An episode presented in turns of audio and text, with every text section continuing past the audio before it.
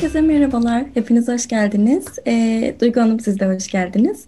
Merhabalar. Ee, bugün çok değerli bir bilenimiz, e, astrolog, holistik astrolog Duygu Demir ile beraberiz.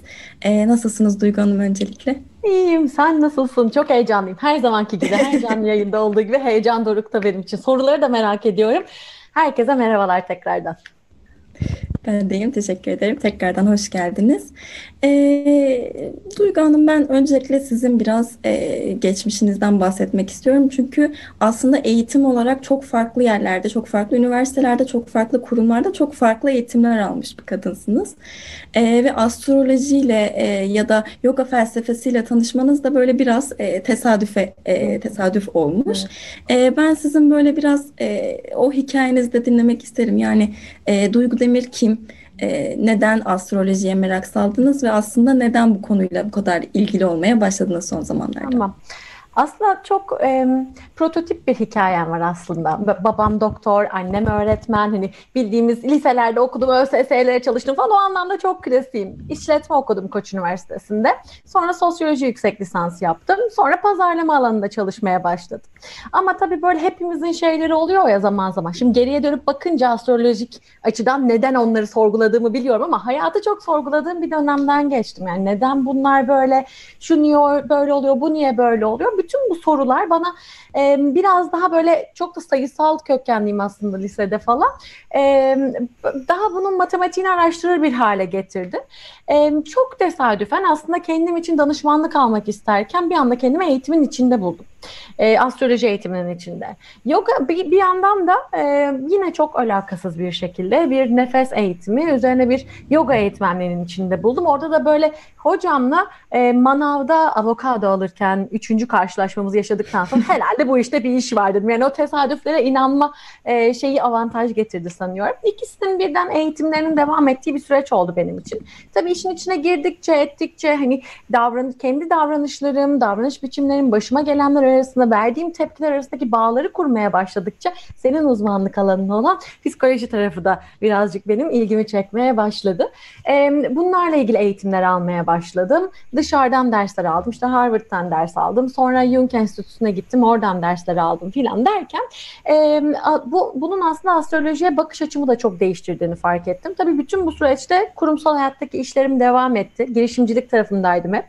E, pazarlama alanında. E, iki işi birden yapmaya başladım. İş çıkışı danışmanlıklar falan der derken dedim ki en sonunda ben bu işi çok seviyorum. Yani insanlarla çalışmayı çok seviyorum. O astrolojinin getirdiği şeyleri, onları konuşmak, bütünlemek bunlar çok hoşuma gidiyor. Ve tamamen astrolog olmak üzere yaklaşık iki buçuk sene önce falan ofis hayatını geride bıraktım ve karşınızdayım. e, bırakmanızı aslında çok sevindik. Çünkü burada bugün bizimle beraber e, Kesecanların sorularını cevapladığınız için e, aslında çok mutlu olduk. E, Kes Heyecanlar size çok değerli sorular sordu Duygu Hanım. O zaman müsaadenizle ilk sorudan başlıyorum. Tabii ki. E, Şimdi bu alanda olanlar ya da bu alanla ilgisi olanlar eminim farkını biliyorlardır. Yani holistik astroloji ya da diğer astrolojilerle arasındaki farkı.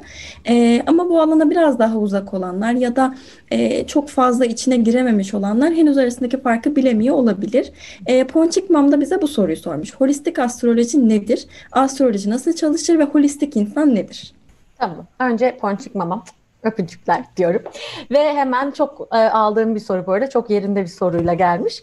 E, hemen açıklamaya girişiyorum. Şimdi holistik kelimesinin anlamı aslında bütünsel.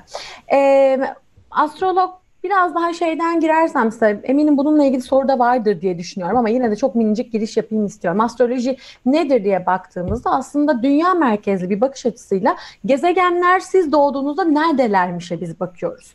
Ee, buradan yola çıkarak bir sembolik yuvarlak bir harita çıkartıyoruz karşımıza. Burçlar var, gezegenler var için bir sürü göstergeler var.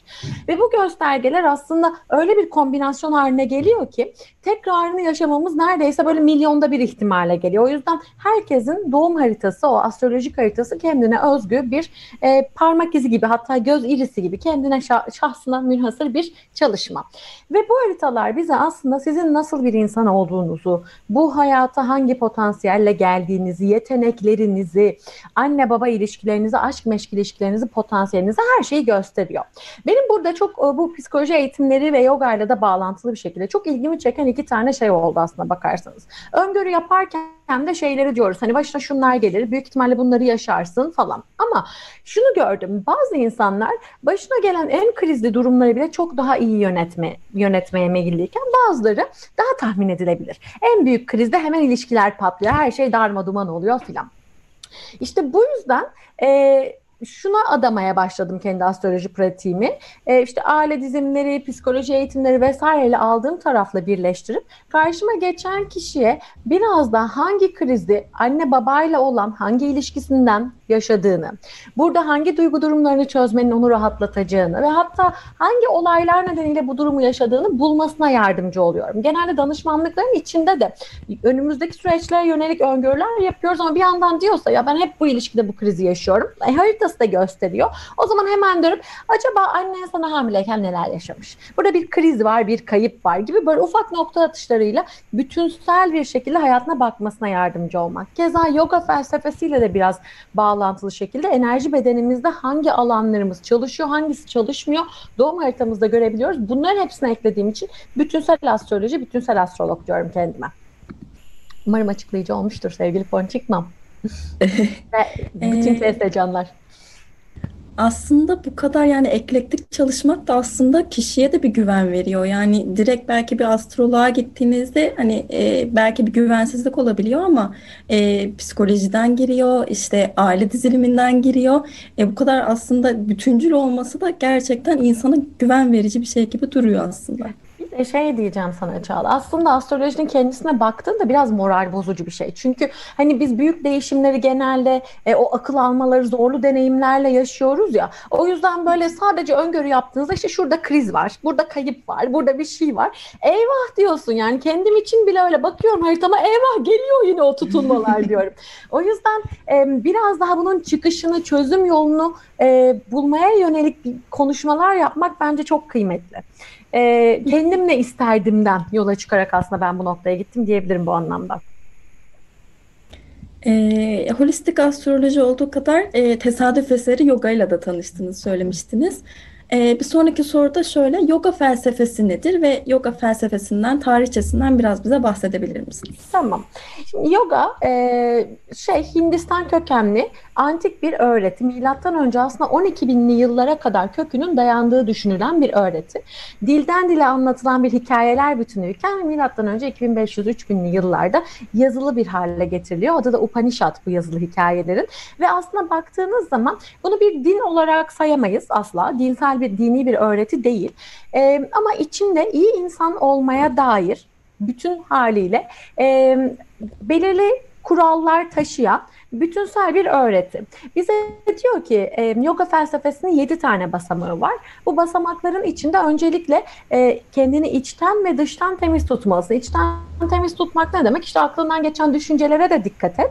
E, herhangi bir şiddet de uygulama. Ahimsa şiddetsizliktir. Fiziksel anlamda, beslenme anlamında bazen hani böyle diyet yapacağım diye yemiyoruz, içmiyoruz ya o bile bazen kendimize şiddet olabiliyor. O şiddetsizlikler, dışa yönelik işte fiziksel temizliğimiz gibi Sonrasında diyor ki e, egzersizini yap, nefes çalışmalarını yap, akciğer kapasiteni kullan. Egzersiz derken o gördüğümüz hep böyle poz, pozlar vardır ya başını oradan geçiren, buradan bunu yapan kızlar. İşte o yoganın egzersiz kısmı. Sadece bir basamağı, yedi parçanın sadece biri ve asana diye geçiyor bunlar. Ve e, bu pozlar bizim için önemli yoganın içinde. Çünkü e, hem organlara masaj yapacak şekilde dizayn edilmiş durumda. İşte dönüşler var, twistler var, bükülmeler var, eğilmeler var. Hem de e, bunun yanı sıra enerji bedenimizde bunu açıklayacağım birazdan. Enerji bedenimizde belli alanlara dokunacak şekilde tasarlanmış ve bütün dokunmalar bizim aslında detoks yapmamızı sağlayan dokunuşlar. Bundan sonra nefes çalışmaları, yogadaki o asana pratikleriyle beraber aslında yoga felsefesinin hedefi bizi meditasyona ve meditasyondan e, sonra da anda kalmaya yani anda kalmanın biraz daha öte versiyonu aydınlanmaya götürme hedefini taşıyan bir felsefe bu. O yüzden egzersizler minik bir parçası. Yani e, kötü kötü düşüncelere sahip bir zihne sürekli sahipken bütün egzersizleri istediğimiz gibi yapalım, başüstü duralım. Bu bizim için çok bir şey ifade etmiyor yoga felsefesinin içinde.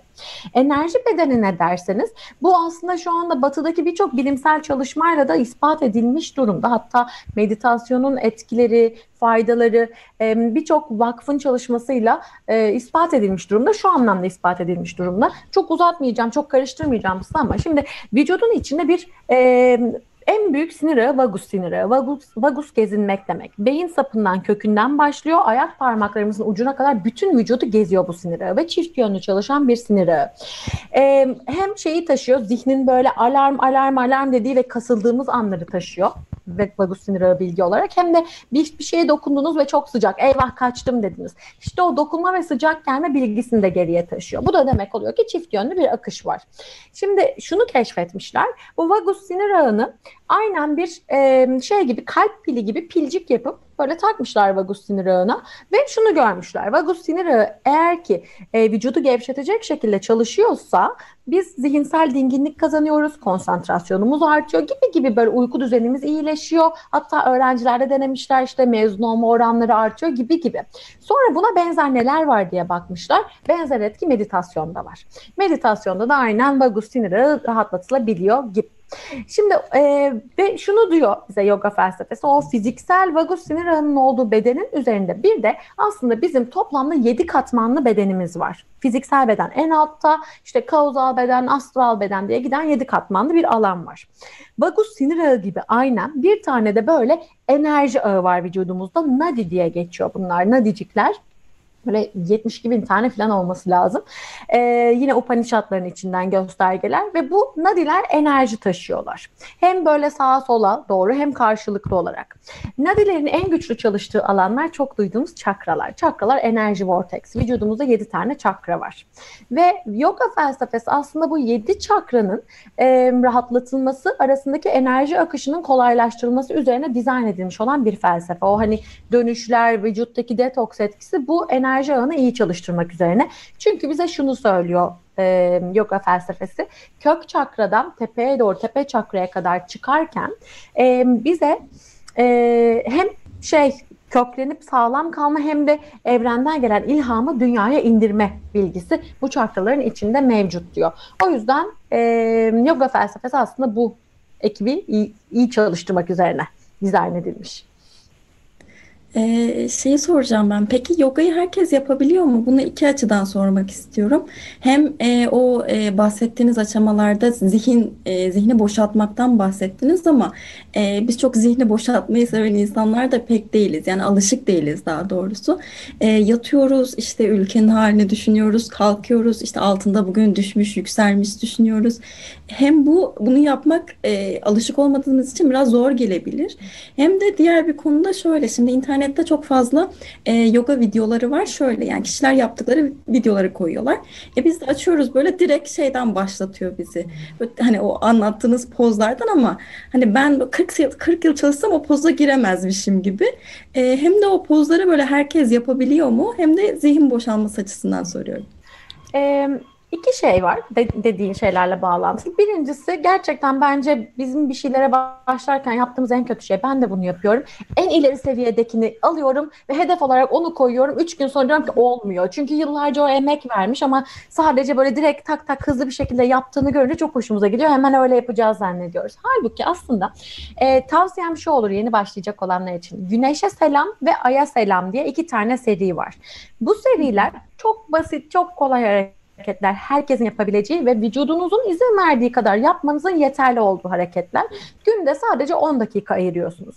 Eğer bunları sevmiyorsanız Tibet'in 7 tane hareketi vardır. Yine böyle kitapları falan da var. Bu üçüyle başlamanızı tavsiye ederim. Bu üçüyle bir ay, iki ay yapın. Vücudunuzdaki esnemeyi, rahatlamayı gördükten sonra yavaş yavaş ilerlemeye başlayın derim. Çünkü gerçekten de bütün o hareketleri yapmaya gerek yok. Benim 108 tane asana var. Benim arasında yapamadığım bir sürü hareket var ve gerçekten olmuyor. Ve hatta şu da var aslında bakarsanız. Kimimiz geriye doğru eğilmelerde daha açığız. Kimimiz öne bükülmelerde daha açığız. O yüzden kaç yıllık yoga eğitmeni olursanız olun bazı pozlarda yeterince derinleşemeyebiliyorsunuz. İkincisi zihni durdurma. Zihni durdurmak yalan Çağla. Öyle bir şey yok. Yani e, biz dağın tepesinde yaşamıyoruz.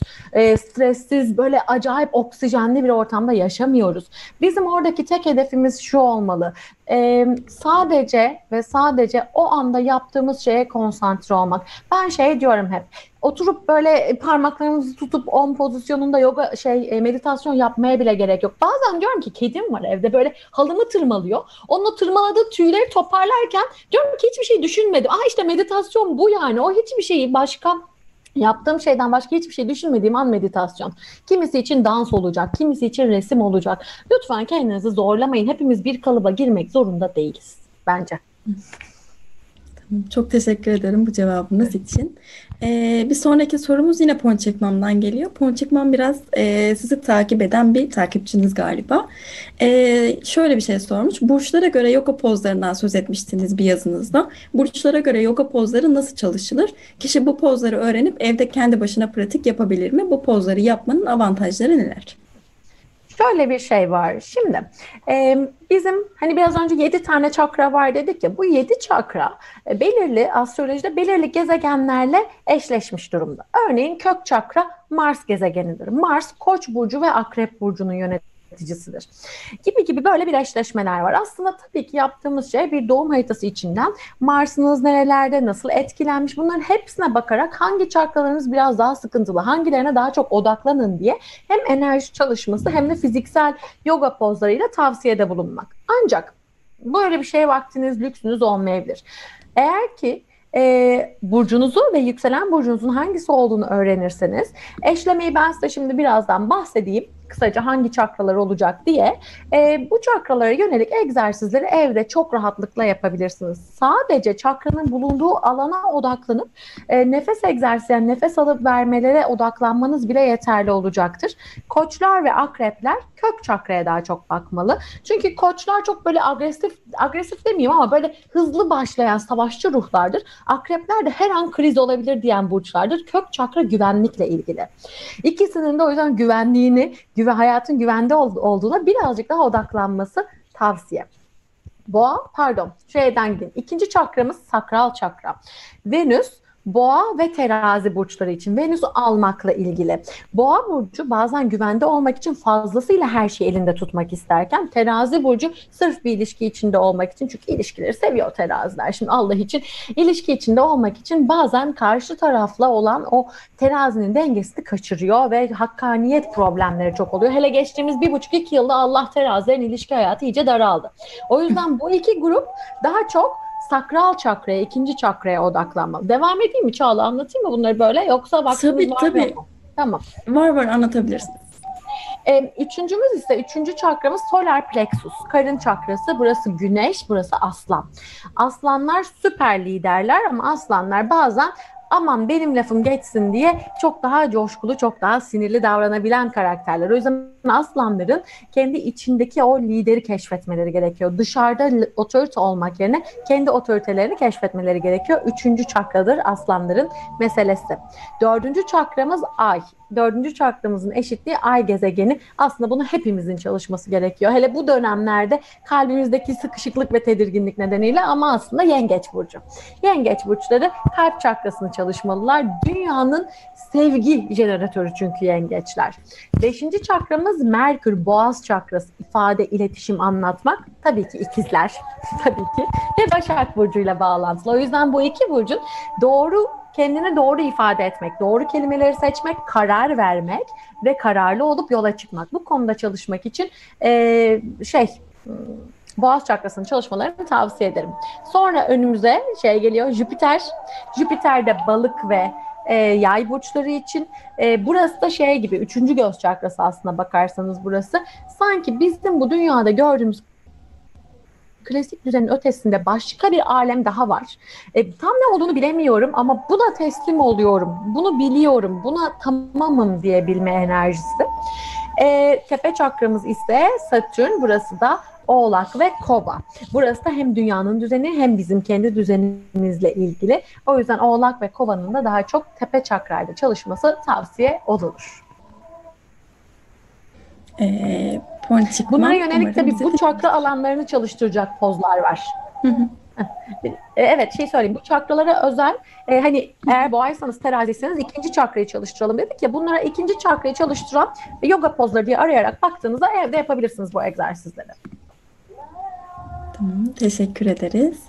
E, Duygu Hanım şimdi tutulmalar e, bizleri aslında çok etkiliyor. Ee, geçtiğimiz günlerde de bir tutulma yaşadık ve önümüzde de tekrar bir tutulma var. Ee, 21 Haziran'da yaşadığımız tutulma ve 5 Temmuz'daki tutulma bizleri nasıl etkiliyor ve nasıl etkileyecek aslında? Şimdi bu bu iki tutulma 2018'in Temmuz'undan beri Yengeç ve Oğlak Burcu'nun tutulmalar oluyor. Bu iki tutulma bu grubun sonuncusu. Bir 8-9 sene bu alanla ilgili rahatız haritalarımızda, doğum haritalarımızda birer cümle söylerim şimdi burçlar için. Doğum haritalarımızda düştüğü alanlarda bizlere birazcık daha büyük değişimler ve krizler getiriyor. 21 Haziran'daki tutulma kötü bir tutulma değildi. Ama biraz daha böyle sabret, zamana yay, çok geçmişe takılma, e, duygusal kararlar alma biraz daha dur diyordu bize. Dünya çapında baktığımızda su, deniz vesaire böyle şeyleri çok temsil ediyordu. İstanbul mesela yengeç de çok temsil edilir. O yüzden İstanbul'un suları, denizlerini çok anlatıyordu bize. Fırtına fırtınalar çıktı falan hatta kasırgalar çıktı Çatalca civarında gibi. 5 Temmuz tutulması ise bizim artık belli konularda tamam mı devam mı kararını vereceğimiz, e, belli farkındalıklar yaşayacağımız, biraz daha katı kurallarla ilerleyeceğimiz bir zaman dilimi.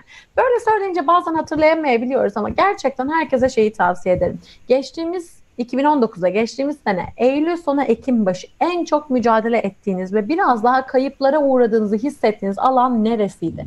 Bir oraya dönün bakın. 5 Temmuz tutulması ve akabindeki 15-20 gün içinde buraları tekrardan ele almamız gerekecek gibi duruyor. Burçlara göre baktığımızda ise da söyleyeyim mi burçlara göre de? Evet evet söyleyeyim. tamam. Arada teyit etmeye çalışıyorum. Tamam ne olur ne olmaz. tamam.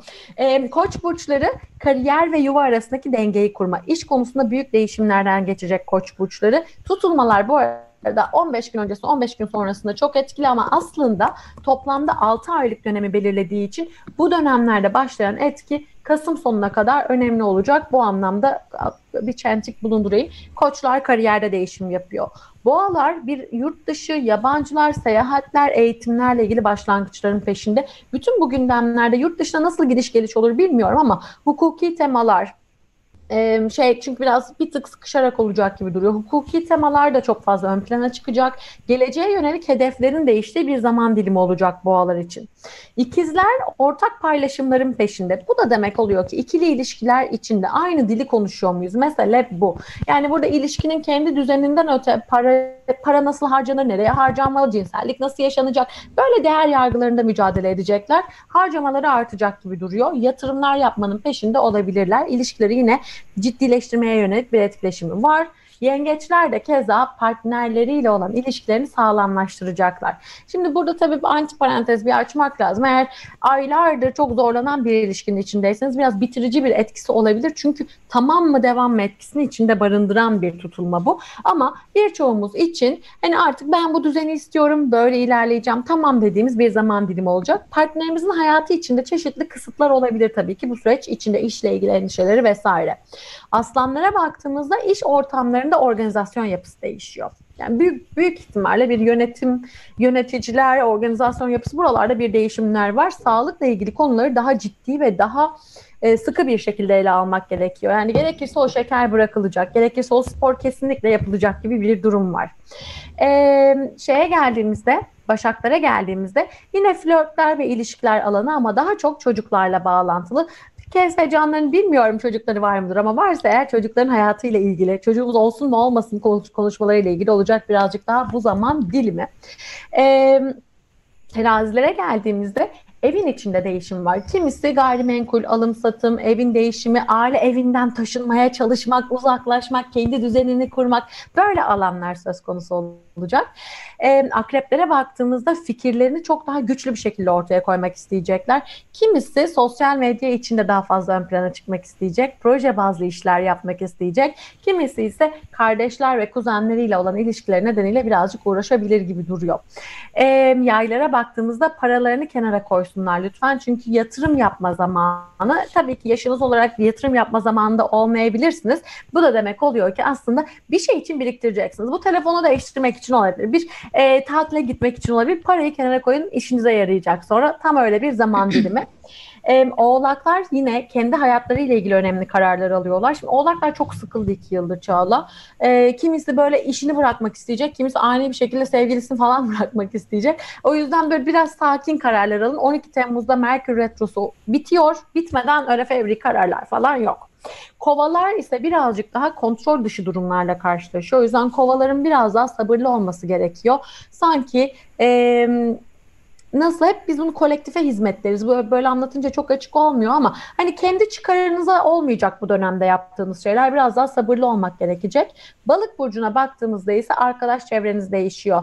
Eğer ki sizi mutlu etmeyen, sırf yıllardır dostuz, kalıversin dediğiniz arkadaşlarınız varsa bu insanları hayatınızdan çıkaracaksınız. Çıkarın zaten fazlalık yapıyor gibi duruyorlar. Ee, şu an söylediklerinize ben de böyle şaşırarak bakıyorum. Birkaç tanesi gerçekten arkadaşlarımdan denk geldiğim ve gördüğüm şeyler.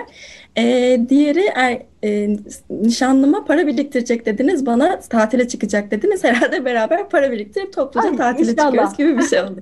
İnşallah. İnşallah. Yurt dışına yolculuk var sanıyorum bu sene. Aynen. Ee, Duygu Hanım, peki 2020 astroloji takviminden bahseder misiniz bize? Yani bizi bunların dışında neler bekliyor tüm sene boyunca? Şimdi bu sene çok eğlenceli bir sene değil. Yani bu konuda moral bozmak istemiyorum. Ama e, Kasım sonlarına kadar birazcık daha dişimizi sıkmamız gereken bir sene. Bu yılın en güzel zamanları ne zaman derseniz çok yakında. Ağustos'un ilk 15 günü içinde. Temmuz ayında halen daha biraz mücadelelerimiz, duygusal konuşmalarımız falan olabilir. 12 Temmuz'ları bir geçelim. Biraz daha rahatlamaya başlayacağız. 20 Temmuz civarını da şöyle bir soru işareti olarak bırakıyorum. Duygusallaşabiliriz. Ancak akabinde Ağustos'un başında tatillere mi çıkıyoruz? Riskler mi alıyoruz? Bir eğlenceler var buralarda. Bu dönemi çok keyifli değerlendireceğimizi düşünüyorum. Ee, Eylül ayı birazcık daha duygusal ve romantik bir zaman dilimi ama aynı zamanda hayallere kapılma zaman dilimi. O yüzden Eylül'ün ilk 15-16 günü içinde lütfen finansal konularla ilgili büyük kararlar, riskler almayalım affedici olacağız. Partnerleri affetmek, geçmişten gelenleri affetmek gibi durumlarımız olacak.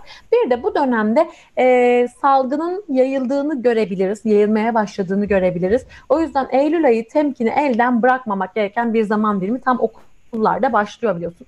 Keza Ekim ayı içinde birazcık daha hak, hak, hukuk, adalet, hakkaniyet temalarının daha fazla konuşulduğunu göreceğiz. Bizim dördüncü evimiz, ülkemizin dördüncü evini tetikliyor. O yüzden e, toprak birliği, bütünlüğü, asker, ordu, bizim güçlü duruşumuz bunlarla ilgili birazcık daha müttefikler tarafından sınandığımızı düşündürtüyor bana. Öyle biraz daha şiddetli konuşmalar söz konusu olabilir. Temmuz ayı, e, Ekim ayını çok sevmiyorum ben. Özellikle 13, 16, 20 Ekim buraları biraz sıkıntılı arkadaşlar. Buralarda böyle kendinize şey yapın bir şey gelebilir aman dikkat değil. 13 ee, Ekim ile 4 Kasım arasında bir Merkür Retrosu daha olacak. Yine o dönemde de 2-3 e, defa geçmişi andığımız zaman dilimleri akrepte olacak. Bir de sırlar ortaya çıkacak. Yani öncesinde iş çeviriyorsak da bilin 13 Ekim 4 Kasım arasında sırlarımız ortaya çıkabileceği için şey yapmayalım. Hani temkinli olalım. Ee, en son Kasım'ın ortalarında güzel bir Jüpiter-Plüto birlikteliği var. Bu ikisi bize büyük kazanımlar ve güçlenme konusunda destekleyici olarak çalışacak. Bir de tabii ki e, Aralık ayı ile beraber neşemizin yükseldiğini göreceğiz. 15-25 Aralık arasını tenzih ediyorum. Birazcık sıkıntılı olabilir ama yine de bize birazcık daha umut dolu ve neşe dolu bir başlangıç enerjisi getirecek. 2021 çok daha keyifli çünkü. Daha seyahatli, daha konuşmalı, e, daha yerel olanı değerlendirdiğimiz keyifli bir zaman dilimi. İletişimin çok olduğu falan zaman dilimleri. Ee, sadece Türkiye değil eminim tüm dünyaca şu an 2021'i bekliyor olabiliriz. Ay. 2020 bize çok e, uğursuz geldi maalesef. E, yorumlarınız için çok teşekkür ederim. E, bir sonraki sorumuz Matra adlı kullanıcımızdan geliyor. ve e, şöyle bir şey sormuş. Şimdi e, astrolojiyle ilgisi olan ya da olmayan herkesin duyduğu bir şey Merkür Retrosu. Evet. E, kimi ilişkileri olan etkisinden bahsediyor, kimi bilgisayarı bozuluyor Merkür Retrosu'ndan diyor. E, gerçekten aslında hayatımıza etkisi çok fazla ve e, sanıyorum 12 Temmuz'a kadar da devam edecek. E, Matra şöyle bir şey sormuş. E, Merkür Retrosu Başak Burçlarına nasıl etkileyecek? Hmm. Yükseleni akrepmiş. E, aynı zamanda iletişimde sorunlar yaşıyormuş. Özellikle de erkek arkadaşıyla sorunlar yaşıyormuş. E, e, retroların etkisinden kaçınmak mümkün mü yoksa başımıza geliyorsa mecburen çekecek miyiz demiş. Tamam. Şimdi birincisi erkek arkadaşla olan iletişim bozuklukları Merkür Retrosu kadar bu Bugün ayın kaçı? Bugün 25 mi ayın? Bak karıştırdım. 25. Aynen 25. Bugün biten Venüs retrosuyla da çok bağlantılıydı. O yüzden ilişkiler konusunda için rahat olsun. Biraz daha rahatlamaya başlayacağız. Birazcık daha kendimizi ifa iyi ifade etmeye başlayacağız ilişkiler konusunda bundan sonraki süreçte. Tabii ki 12 Temmuz Merkür retrosu bitince daha rahatlayacak. Şimdi retro şu demek. Tabii ki de hiçbir gezegen retro hareket, geri hareket etmek demek. Hiçbir gezegen geriye hareket etmez. Yörüngesi belli. Biz yörüngelerin şekli itibariyle itibariyle ve yörüngedeki o ilerleme hızı itibariyle bazen gezegenleri dünyadan baktığımızda hafiften geriye gidiyormuş gibi gözlemleriz. Astrolojide biz bunu şöyle yorumluyoruz. Ee, gezegenler aslında dışa yönelik fonksiyonlar. Bu ne demek? Merkür kendini anlatmak demek. Yani çok karşılıklı yaptığımız bir şey. Venüs sevgi demek. Beraber o ilişkiyi yaşamak demek. Hep karşılıklı olan şeyler. Retro olduğunda karşılıklı olan süreçte aksama var. Biraz daha içe dön diyor hayat bize. O yüzden e, bu sürecin etkilerini yumuşatmak için yapabileceğimiz en iyi şey biz kendimizi anlatamadığımız kadar karşı tarafta kendini anlatamadığını düşünüyor. Ya da karşı taraftaki istek ve arzu azalıyor bazen. Bunu göz önünde bulundurup e, bir sabır, en eğlencesiz tavsiye. İkincisi e, şey biraz daha içe dönmek. O yüzden Merkür dönüşü, Merkür geçişi olduğu için daha yine yogalar, meditasyonlar diyeceğim bir yandan ama bir yandan da yazmak, çizmek, anlatmaya çalışmaya, e, anlatma yönteminde daha hani daha kendimizle beraber yapabileceğimiz şeylere yönelmek olacaktır. E, şey, Başak burçları özelinde yani Merkür retroların o yüzden retronun etkisini tamamen yumuşatabilir miyiz? Hayır tamamen yumuşatamayabiliriz. Yumuşatamayız. Ama bu dönemde kaçınacağımız bazı şeyler bizi kurtaracak. Yani illa o cevabı almak istiyorum ben partnerimden dersen alamayabilirsin o dönemde o cevabı. O yüzden ben bunu park edeyim. Uzun vadede tekrardan gündeme getireyim demek en mantıklı şey. Başak burçları için ise keşke yükseleniniz de bilseniz ama Başak burçları şimdi bu yengeçteki Merkür retrosu sizin için aşırı olumsuz değil sadece daha fazla duygulara yöneldiğimiz, geçmişteki anılara yöneldiğimiz, geçmişi andığımız bir zaman dilimi. Bana böyle yapmıştı. Şöyle oldu, o zaman da böyle demişti. Annem hakkında böyle demişti gibi. Bu geçmişi anma meselesi bizi birazcık daha aslında sıkıştırıyor gibi bu dönem içinde. O yüzden e, çok hani geçmişi anmayı bırakmak daha faydalı olacak bize bu anlamda. Bir de şeyi söyleyeyim size e, hangi tarihlerde daha çok e, bizi sıkıştırabilir? Sanki böyle 9-10 Temmuzlarda filan birazcık sıkışacağız gibi duruyor. 28-29 Haziranlarda bir tık sıkışacağız gibi duruyor.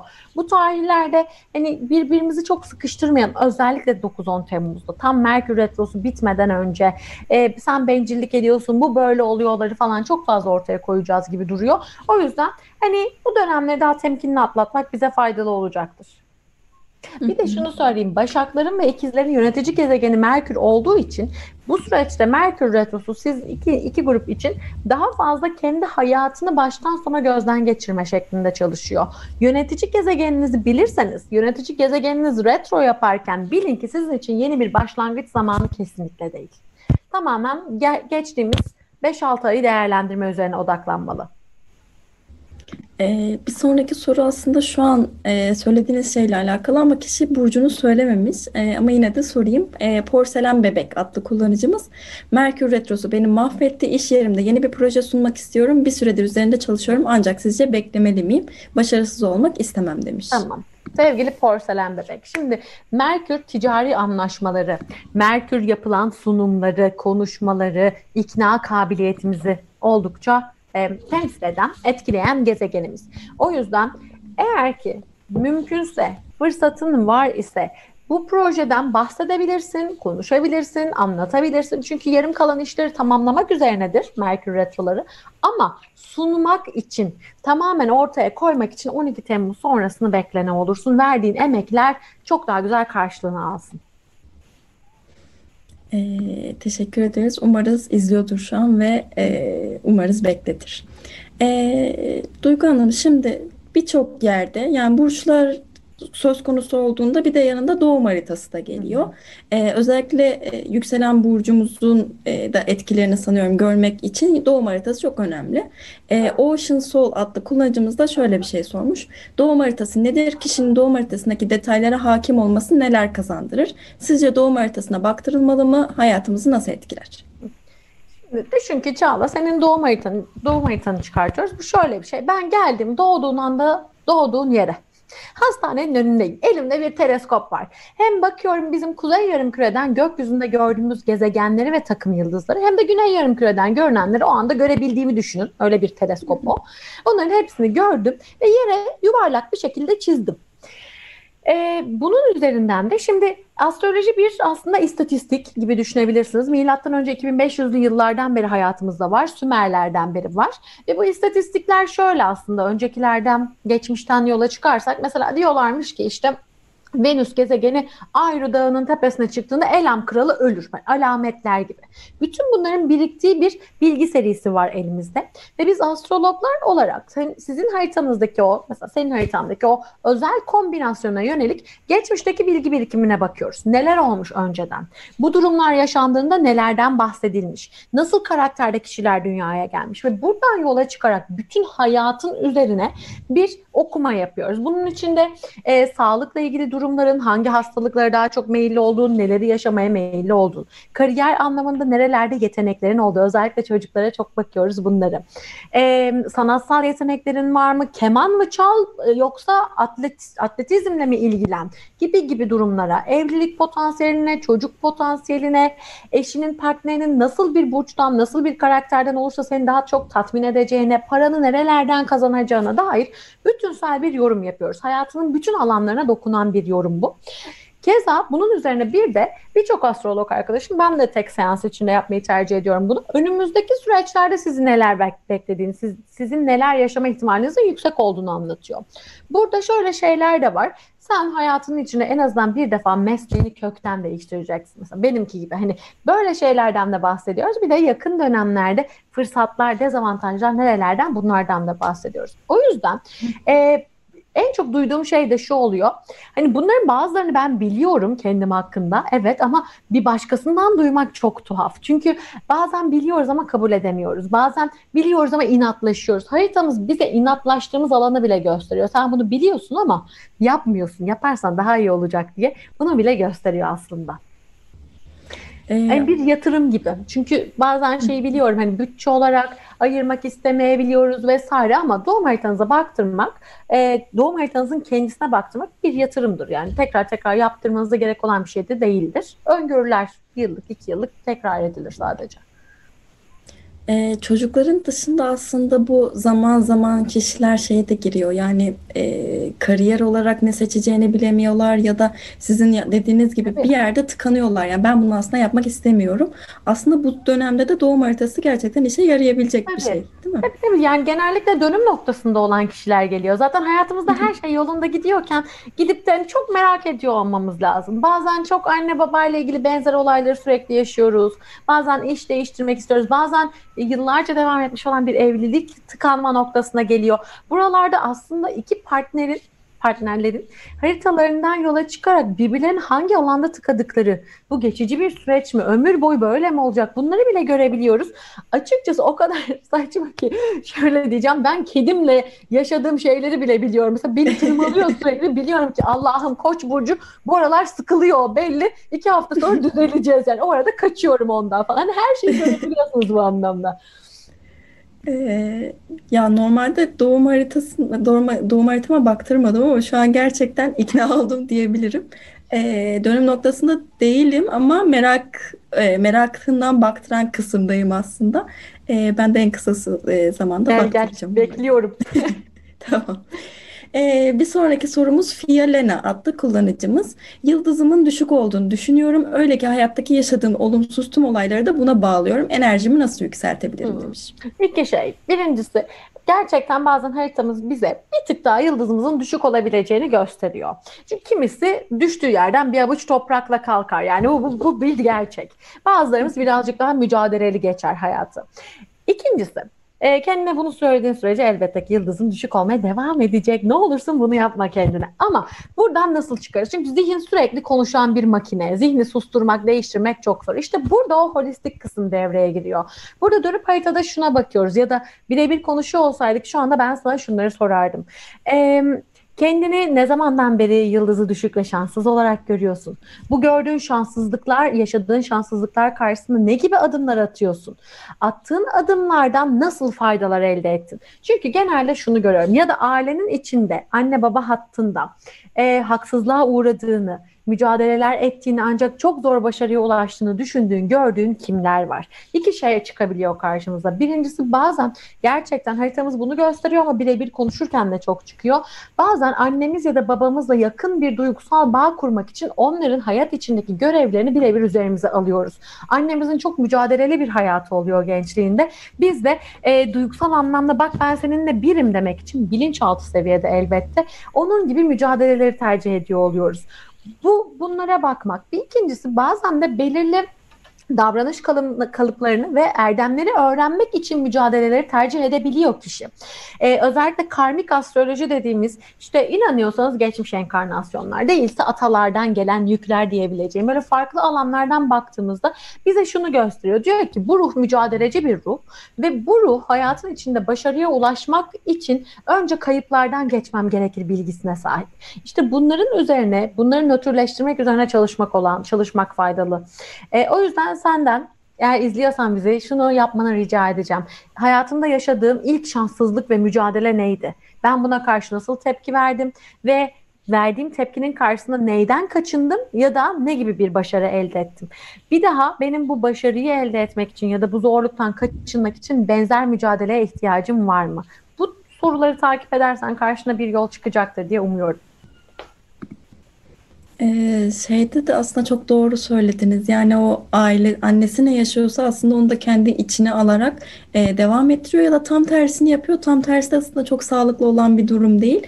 E, annem onu yaptıysa e, ben bundan çok çektim ben tam tersini yapayım.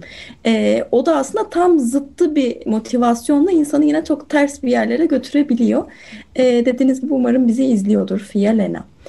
Şey, ee, çok pardon lafını bölüyorum Çağla ama e, aile dizimi eğitiminde hep böyle bize şeyi söylemişlerdi. Hani senin yorumunu merak ediyorum burada. Hep böyle e, bize şeyi demişti. Çok, annemi çok seviyorum ile annemi nefret ediyorum aynı yoğunlukta bir duygu. Ve annemden hani nefret etmek zorunda değiliz tabii ki. Yani bu davranışta gıcık oluyorum da aynı yoğunlukta bir duygu. Ve gıcık olduğun sürece reddettiğin bir şey var ve asla yüzleşmediğin için bu reddettiğin şeyle benzer durumlarla karşılaşmaya tabisin aslında gibi. E, bu uçlarına gitmek, diğer uca gitmek tarafı oluyor sanıyorum dediğin şeyde, örnekte. Evet. Ya aslında e, beynimiz biliyorsunuz hep aynı şekilde çalışıyor. Yani bizim bütün duygularımız yani çoğu duygumuz aynı yerde. Sevgi de aynı yerde, nefret de aynı yerde. E, o yüzden o duygular ne olursa olsun, ne farkı olursa olsun e, bizim aslında içimizde hissettiğimiz o yoğunluk aynı oluyor. E, ailemizi çok sevdiğimizde ve ailemizi içselleştirdiğimizde de aslında yine aynı yola gidiyoruz. Ailemizi pek sevmesek de yani nef- ben de nefret kelimesini çok kullanmak istemiyorum ama ailemizi sevmeyip yine onların zıttına gitmek istediğimizde de aslında yine aynı şekilde farklı ama e, yine çok daha yanlış yola gidiyoruz. E, biraz daha şey gerekiyor yani sevsek de sevmesek de onların başka bir birey olduğunu içselleştirmeden ya da dışsallaştırmadan e, onlardan farklı bir yöne gidebilecek e, kapasitemizin ve gidecek enerjimizin olduğunu fark etmemiz gerekiyor bence. Çünkü şeyi çok görüyorum danışanlarda. Babanın belli huylarını hiç sevmiyor ama karşısına çıkan partnerlerde hep o huy var.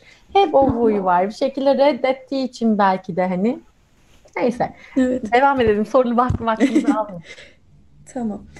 Ee, Coffee Heaven diye bir kullanıcımız şunu sormuş. Başak Burcu'yum. Tüm özelliklerini olmasa da bazılarını taşıyorum. Yeni bir ilişki için en uygun dönem nedir benim için? Yalnızlıktan tam olarak yıldım. Hep en iyisini istiyorum. Bir de çabuk sıkılıyorum demiş. Hmm. E, Eylül ayı diyeceğim Başak Burçları için ilişki zamanı. Burada da bütün burçlara şöyle bir tavsiyede bulunayım. Ee, şey tabii Başak Burçları mükemmeliyetçi oluyor haklısınız. Yani tamamen içmesine ne kadar ben bu ilişkiye başlamayayım diyor. Ama hayatta bir deneyim aslında. Ee, bütün burçlar için tavsiyem şu olur.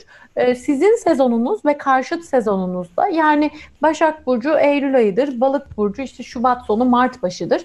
Ee, bu dönemler sizin ilişkilere başlama, bitirme, yeni heyecanları hayatınıza dahil etmeniz için oldukça açık zaman dilimleri. Bir ikincisi eğer ki biraz daha derine ineyim ben derseniz doğum haritanızı böyle internetten ücretsiz olarak çıkartabilirsiniz. Bir yabancı bir site var astro.com diye. Ee, çok şey çok doğru çıkartıyor. Bizim çünkü çok yaz saati kış saat uygulama uygulamaları değiştiği için ülkemizde takip etmek zor olabiliyor. Buradan çıkartıp ay burcunuzun nerede olduğuna bakın. Ay burcumuz bizim duygusal bağları kurma şeklimizi anlatır. Ay burcunuzun olduğu burçta yani ayınız e, Oğlak'ta olsun. Şimdi 5 Temmuz'da tutulma Oğlak'ta olacak. O dönemler sizin için ilişkilere e, yeni ay dolunay zamanları özellikle sizin için ilişkilere başlama zamanıdır daha çok. Ay burcunuza bakın. E, ay burcuna bakmak için peki e, doğum tarihi gerekiyor mu Duygu Hanım? Doğum tarihi, doğum saatiniz maalesef ve doğum yeriniz. E, şöyle ki ay burcu ay çok uçta bir derecede olmadığı sürece çok hızlı değişmiyor. O yüzden doğum saatiniz için 2-3 saatlik aralık varsa da hiçbir problem olmaz. Bir de ezan saati filan gibi olabiliyor bizde genelde. Ezan saatinin hemen önce, hemen sonra. Bunları da internetten bulabilirsiniz aslında. Ee, geçmiş yönelik ezan saatlerini böyle de bakabilirsiniz. Evet çünkü doğum saatini e, bilmeyip de nasıl bulabiliriz diyenler de vardı. Aynen. Ee, evet. Ee, bir sonraki sorumuz Pentin adlı kullanıcımızdan geliyor. Ee, ikizler burcuyum ve sanırım aşırı derecede taşıyorum özelliklerimi. İlişkilerimde hep kararsızım. O nedenle başlayamıyorum. Hep kankaya dönüşüyor ilişkilerim demiş. Nasıl daha kararlı olabilirim sizce? Hmm. Pentin. Ee, evet. 2021'in sonuna kadar hayatının aşkı gelecek. Ne olursun kararsız davranma. Muhtemelen ikişer üçer tane karşında karşına da çıkacak. Hatta tarih veriyorum. 30 Kasım tutulması akabindeki 10-15 günlük dönem günlük dönem içinde hayatına bu ilişki gelecek. Ne olursun iyi değerlendir bu zaman dilimi. Keyifli bir aşk geliyor. Ee, ikizler burçları tabii ki de yani birini seçeyim derken acaba diğerinde kaybettiğim ne var diye düşündüğü için bir yandan. Ee, ama e, şey bazen böyle kararsızlıklar olabiliyor.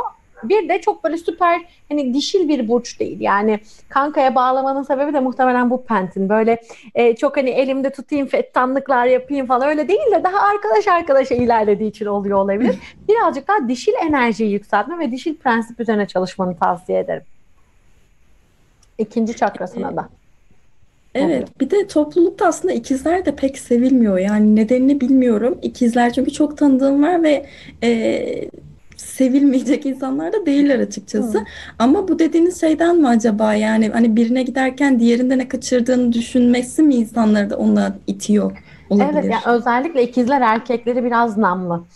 Ee, belki de o yüzden de oluyor olabilir. Gerçekten de çünkü şöyle alternatifleri değerlendirmeyi iyi bilen bir burç. Aslında inanılmaz zeki bir burç. Yani bence Zodya'nın en zeki burcu.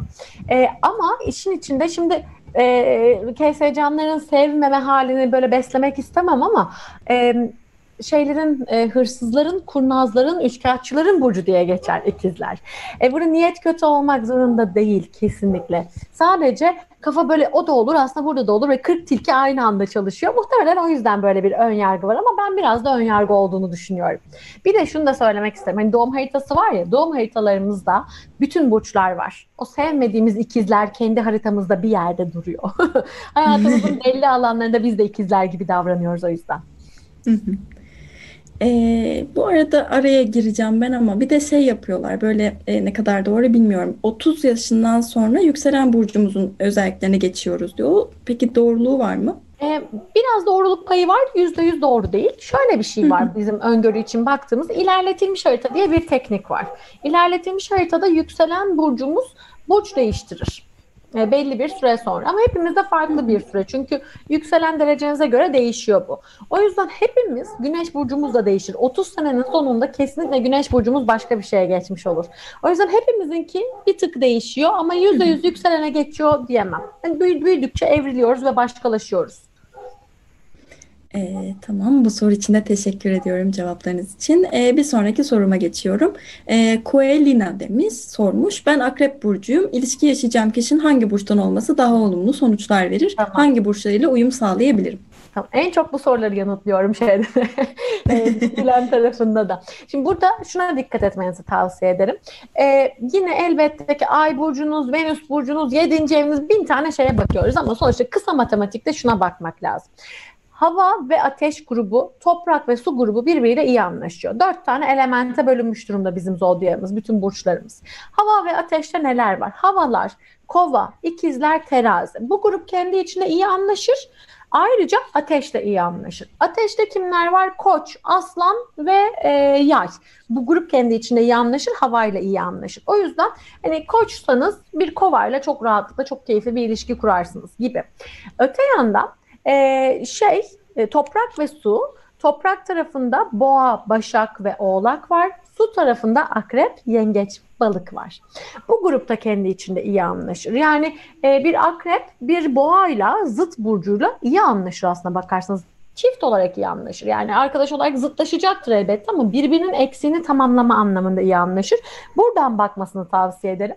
Bir de e, biraz daha hakimseniz nitelikler de kendi içinde zıtlaşarak iyi anlaşıyor. Bunu da söyleyeyim. Mesela Akrep Burcu e, Aslan, yine Boğa ve Kova. Bu dörtlü de kendi içinde iyi anlaşıyor. Akreple kova zıtlaşır ama bulur yolunu. Akreple aslan zıtlaşır ama bulur yolunu gibi. Hı hı. Ee, peki bu ilişkilerdeki burç uyumu ee, yani size de aslında en çok cevapladığınız gerçekten sorulardan biri bu. Ee, nasıl işliyor yani? Hangi burç hangi burçla uyumlu ya da e, ben bu burçtayım ama partnerim de şu burçtan olsun ben nasıl e, bulabilirim, nasıl diyebilirim? Bu biraz önce dediğim yöntem olabilir bir. Elementsel olarak bakabilirsiniz. Bir de hani aslında beraber sizin için çalı harita çalışıyor olsak şöyle yaparız. İkinizin doğum haritasını alırız karşımıza üst üste yerleştiririz. Güneşler nerede? Aylar nerede? Birbirine uygun mu vesaire diye bakarız. E, ama yani yine dediğim gibi bunlara fırsatımız olmayabilir. Biraz önceki yöntemin yanına ek bir şey daha söyleyeceğim. O da şu. E, sizin yükseleniniz her neyse yükselen burcunuzu internetten yine saatinizle beraber doğum haritanızı çıkarttığınızda görebilirsiniz. Yükseleninizin tam zıttında olan burcu, yükseleni ya da ayı. Yani örneğin yükselenim yay benim. Ee, güneşi, yükseleni ya da ay burcu ikizlerde olan insanlar bana çift olarak, partner olarak uygun. Tam zıttındakine bakabilirsiniz. Güzel e, bir yöntemmiş. Daha kolay sanırım o doğum evet. haritasını e, karşılaştırmakla. Yani en azından daha e, ulaşılabilir. Belki uzun Aynen. vadede doğum haritası. Evet. Aynen. E, bir sonraki sorumuz Maidetta'dan gelmiş. E, ben bu soruyu bizim sitede de aslında çok e, fazlalıkla gördüm. E, burçlar karaktere gerçekten etki ediyor mu yoksa bu tamamen bilinçaltına yüklenen bir yönlendirme mi demiş. Hmm, tamam. Şimdi burç dediğimiz şey doğum haritasının çok minnacık bir parçası. Doğum haritası da astrolojide bir dil. Yani şey gibi düşünün. Burç sadece e, ke, özne ama içinde yüklem de lazım vesaire de lazım o dili konuşmak için. O yüzden e, size şeyi diyemem hani burç e, burcunuz bütün karakterinizdir diyemem. Bütün doğum haritanızdaki yerleşimler yine önemli benim için. Bir de şu da önemli tabii ki de doğum haritamız dediğimiz şey gezegenler olduğundan dolayı şu anki bizim bilimsel bakış açımızla e, Merkür sağdan sola hareket ettiği için hepimizin zihni bulandı demek çok doğru değil. Sanki hani şeyden emin değiliz. Bir manyetik alan var ve bizi etkiliyor mu acaba? Yoksa bir eş zamanlılık mı var? Yani çünkü bu bir istatistik. E, zamanında böyle olduğu gözlemlenmiş. Yine böyle olacağını öngörüyoruz diye düşünüyoruz. O yüzden e, burada direkt bizi böyle alıp e, bir kukla gibi etkiliyor diye düşünmüyorum ben ama bir yol haritası gibi e, gösterici olarak bakmayı tavsiye ediyorum. Tamam. Ee, teşekkür ediyoruz bu e, cevabınız için de. Duygu Hanım son sorumuza geçiyoruz izninizle. Tamam. Ee, son sorumu da aslında ben soracağım size. Ee, hayatımı yazıyorum.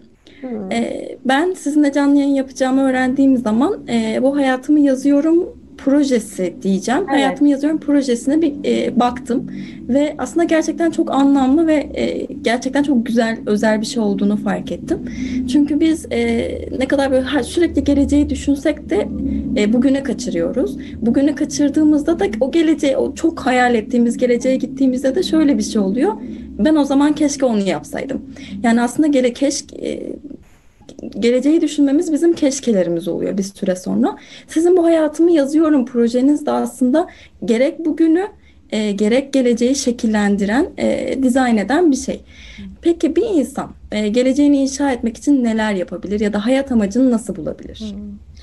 Ee, çok teşekkür ederim öncelikle. Çok e, çok e, şey oldu, duygulandım. teşekkür ederim güzel sorun için, güzel sözlerin için. Ee, gerçekten dediğin gibi şeyi çok kaçırdığımızı düşünüyorum ben de. Bugün yaptığımız en ufak bir davranış biçimi, en ufak bir değişiklik aslında yarınki çok büyük bir şeyi değiştiriyor. Ee, bunu en basit hani zihnimdeki bir de, düşünceyi değiştirmek neyi değiştirecek diyorsanız bile şunu düşünün. Diyet yapma sürecini düşünün. Yani bugün yemediğiniz o çikolata yarın 300 gram 500 gram gitmiş olarak gözüküyor değil mi? Aynen bunun gibi bir mantık var işin içinde aslında. Bugün kendinize aptalsın bak yine yapamadım bu işi demediğiniz bir ya bu sefer olmadı yarınkinde olacak dediğiniz demeyi başardığınız sefer yarın gerçekten daha fazlasını yapabildiğinizi görüyorsunuz. Hayatımı yazıyorum da biraz buradan yola çıkan bir çalışma aslında. Birincisi kendimizi olduğumuz haliyle bir görüp tanıyalım. İlk mesele bu. Çünkü Bence insan kendine hem en yakın hem de en uzak olan varlık. Çok objektif olamıyoruz. Bazen en yakın arkadaşlarımız, bazen ailemiz bizi bizden daha iyi tanıyor ve görüyor oluyor. O yüzden oradaki ilk meselemiz biraz daha kendimizi görmek üzerine. Sonrasında kendimizi gördüğümüz alanın içinden böyle cımbızla Sadece birini seçerek çünkü yine ikinci yaptığımız şey o yogada konuştuğumuz gibi en sonuna gitmek istiyoruz bir anda. Halbuki ise minicik bir adımı değiştirmek. Yani bebeği düşünün. Önce emekliyor bir anda koşmaya çalışmıyor. O yüzden oradaki o minik değişiklik alanını seçip bir ay, bir buçuk ay boyunca bunun değişimine katkı sağlayacak ufak ufak egzersizler yapmakla ilgili. Ee, ben yazmayı çok faydalı buluyorum. Kendimden öte yine bir sürü araştırmalar var burada. Otobiyografini tekrardan yazdığın zaman aslında kendini ve davranış biçimlerini nasıl değiştirebiliyorsun üzerine. O yüzden daha çok yazma odaklı bir çalışma olmasını tercih ettim. Keza e, şeylerle, takipçilerimle ve katılanlarla ayda bir ya da iki defa yeni ay dolunay dönemlerinde o hayatımı yazıyorum egzersizleri de yapıyoruz beraber. Bunları destekleyecek duygu durumları neler olabilir? Bunları çözümlemek için nasıl nefes egzersizleri, nasıl çalışmalar yapabiliriz? Beraber çalışıyoruz. E, ben daha çok hani bugündeki ufacık bir şey değiştirmenin çok büyük bir fayda sağladığını düşünüyorum. Çünkü gerçekten hani dünyayı değiştirmek istiyoruz bazen. Hayır sen sadece önünü değiştirsen, önündeki bir şeyleri değiştirsen yeterli. Ee, şey vardı, o şöyle bir gün demiş gibi de, e, o şöyle sanırım. Öyle kalmış aklımda ya ben insanlığı çok seviyorum. Herkesi çok seviyorum ama şu komşuma bir türlü alışamadım demiş. O da demiş ki yani sen bırak insanlığı. Komşunu sevsen bütün dünya değişir zaten. En yakınındakini bir çözümlemeye çalış. Bu da onun gibi yani bugünündeki minnacık bir şey değiştirsen aslında bir sürü şey değişecek hayatında. Buradan yola çıkan bir egzersiz serisi.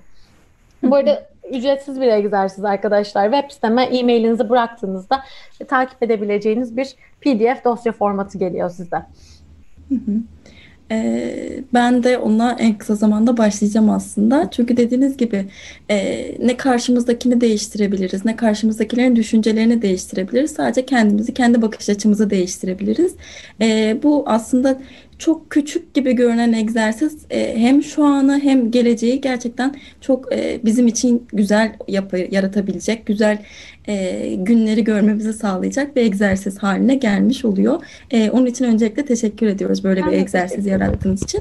Onun dışında bizimle bugün e, bu saatte e, olduğunuz için de teşekkür ediyoruz. KS canlarımızın sorularını yanıtladığınız için de çok teşekkür ediyoruz. Aynı zamanda e, KS canlarımıza başka söylemek istediğiniz bir şey var mı? Ben teşekkür ederim öncelikle ve özellikle aslında benim için çok keyifliydi gerçekten de ve e, kızlar soruyorum kızlar soruyor ekibinin bir parçası bir bilen olarak bir parçası olmaktan da çok mutluyum. E, istediğiniz sorularınızı yöneltin, yorumlarınızı ekleyin beni falan hep hepinize yetişmeye çalışacağım elimden geldiğince. E, sohbete, konuşmaya açığım. E, o yüzden hepinizi öpüyorum. Güzel günler bizi bizi beklesin diyorum. E, kafa karışıklığı zor, bir bilene sor dedik. E, bugün holistik astrolog Duygu Demir ile beraberdik. E, umarım herkes aklındaki soruların cevabını bulmuştur. Umarım herkes bu saate kadar bizimle burada e, devam etmiştir. Herkese teşekkür ediyorum. Duygu Hanım size de çok teşekkür ediyorum. Umarım tekrar bir araya gelme e, fırsatını elde ederiz. E, herkese iyi akşamlar diyorum. Kendinize iyi bakın.